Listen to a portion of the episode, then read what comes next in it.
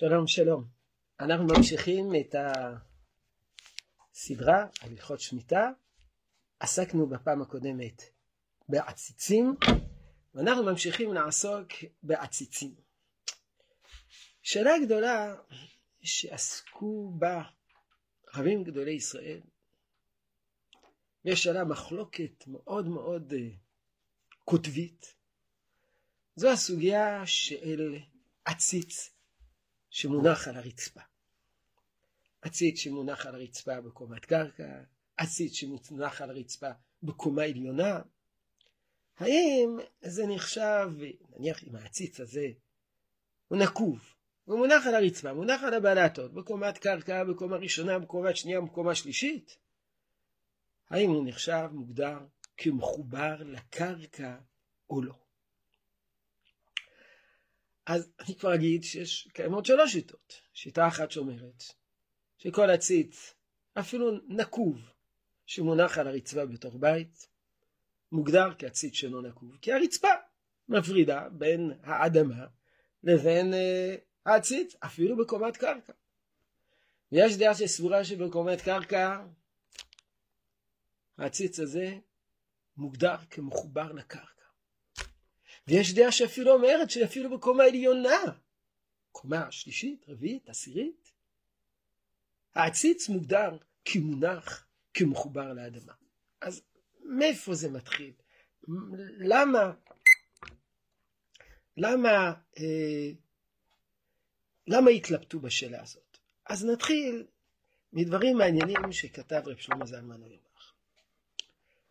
שאל רב שלמה זלמן אוירבך, אדם שיש לו גינה, בגינה הזאת יש סלע, סלע גדול.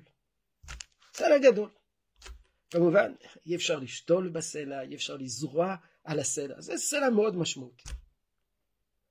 הוא מביא משאית, שופך על הסלע אדמה. אדמה. ושותל או זורע על האדמה הזאת. זה נחשב מחובר לאדמה, או זה לא נחשב מחובר לאדמה. הוא אומר, מביא לזה ראיות, שזה נחשב זריעה באדמה.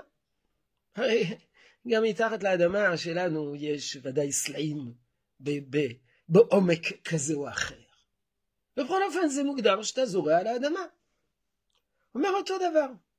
נניח שיש פה קומת קרקע, הרצפה, בתוך הבית. אני מביא משאית ששופכת אדמה על הרצפה. מה זה הרצפה? רצפה זה אבן. בלטות זה אבן. זה לא פלסטיק, זה אבן. אבן. ועל האבן הזו אני שם אדמה. אין הבדל אם אני שופך אדמה או שם עציץ נקוב על האדמה, על הרצפה. זה נחשב כאילו הנחתי אדמה על האבן שמונחת על האדמה. הבלטות הם אבנים הן אבנים שמונחות על האדמה. לעומת זאת, אמר רב שלמה זלמן אוירבך בקומה עליונה, לא. למה? האוויר מפסיק. בין קומה קרקע לבין קומה ראשונה, בין קומה ראשונה לקומה שנייה, יש אוויר. האוויר הזה יוצר, מפסיק, בין העציץ שנמצא בקומה ראשונה לבין הקרקע, האדמה, שנמצאת מתחת לבלטות, מתחת ליסודות הבניין. אבל גם זו שאלה.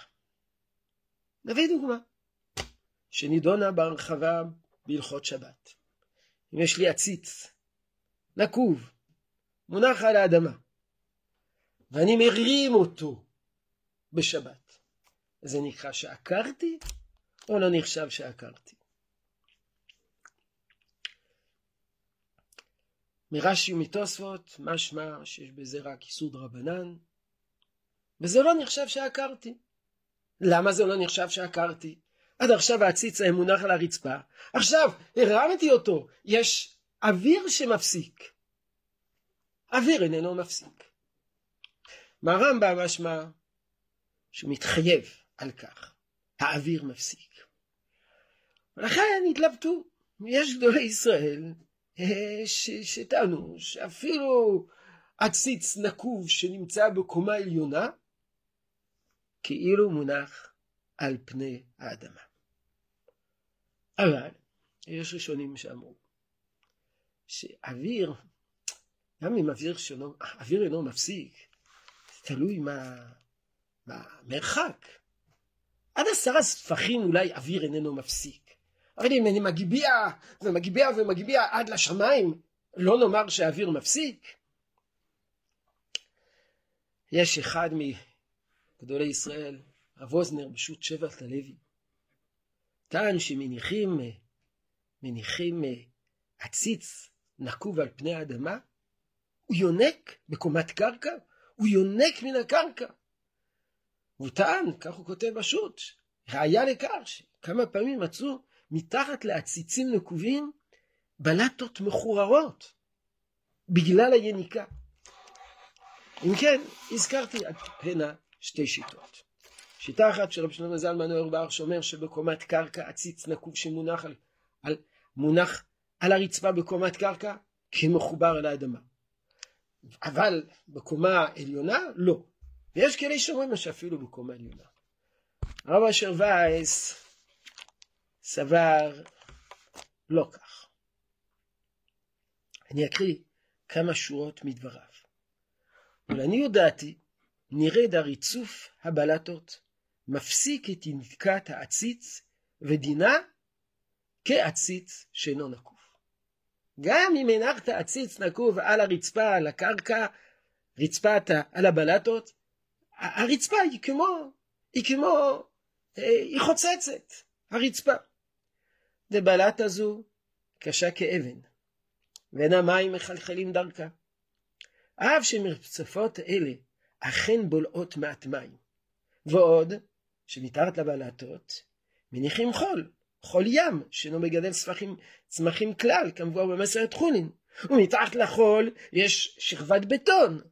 כל שלושת השכבות האלה ודאי מפסיקות את יניקת הצמח יותר מכל העציצים שבעולם. לכן סבר רבי אושר וץ שזה מוגדר, כל עציץ שמונח בבית מוגדר כעציץ שאינו נקוב. אבל גם מי שסובר שעציץ נקוב שמונח בבית באיזושהי קומה כאילו מחובר לאדמה, יש דרך פשוטה לנתק, לשים מתחתה, מתחת לעציץ, צלחת, צלחת פלסטיק, כמו שמקובל, שופכים מים בתוך העציץ, המים נשפכים החוצה, שמים צלחת, הצלחת הזאת עם פלסטיק, ודאי שהיא מנתקת. כל מה שדיברנו וכל ההתלבטויות זה היה בגלל שזה רצפה מאבן, ועוד וקומה, בכל קומה יש רצפה מאבן, מתחת לאבן יש חול, מתחת לחול יש בטון, אפשר לראות את כל זה כמו סלע, אבל אם שמים צלחת פלסטיק, אז ברור שאין כל התלבטות ואין כל חשש. אבל, אמרו גדולי ישראל, עציץ שאתה שמת מתחתיו צלחת, לא די שהצלחת תהיה מתחת לעציץ, היא צריכה להיות מתחת לכל הנוף. אם יש אה, ענפים שיוצאים מעבר לעציץ, אז הם יונקים. יונקים דרך האוויר. פה מדובר במקום קטן מאוד. ולכן צריך, הצלחת צריכה להיות מספיק גדולה כדי להיות גם מתחת לצמח וגם מתחת להנוף שיוצא מהצמח. אה, טרם סיימנו את הנושא, ובעזרת השם בפעם הבאה נשלים את הנושא של הלכות הציצים בשנת השמיטה.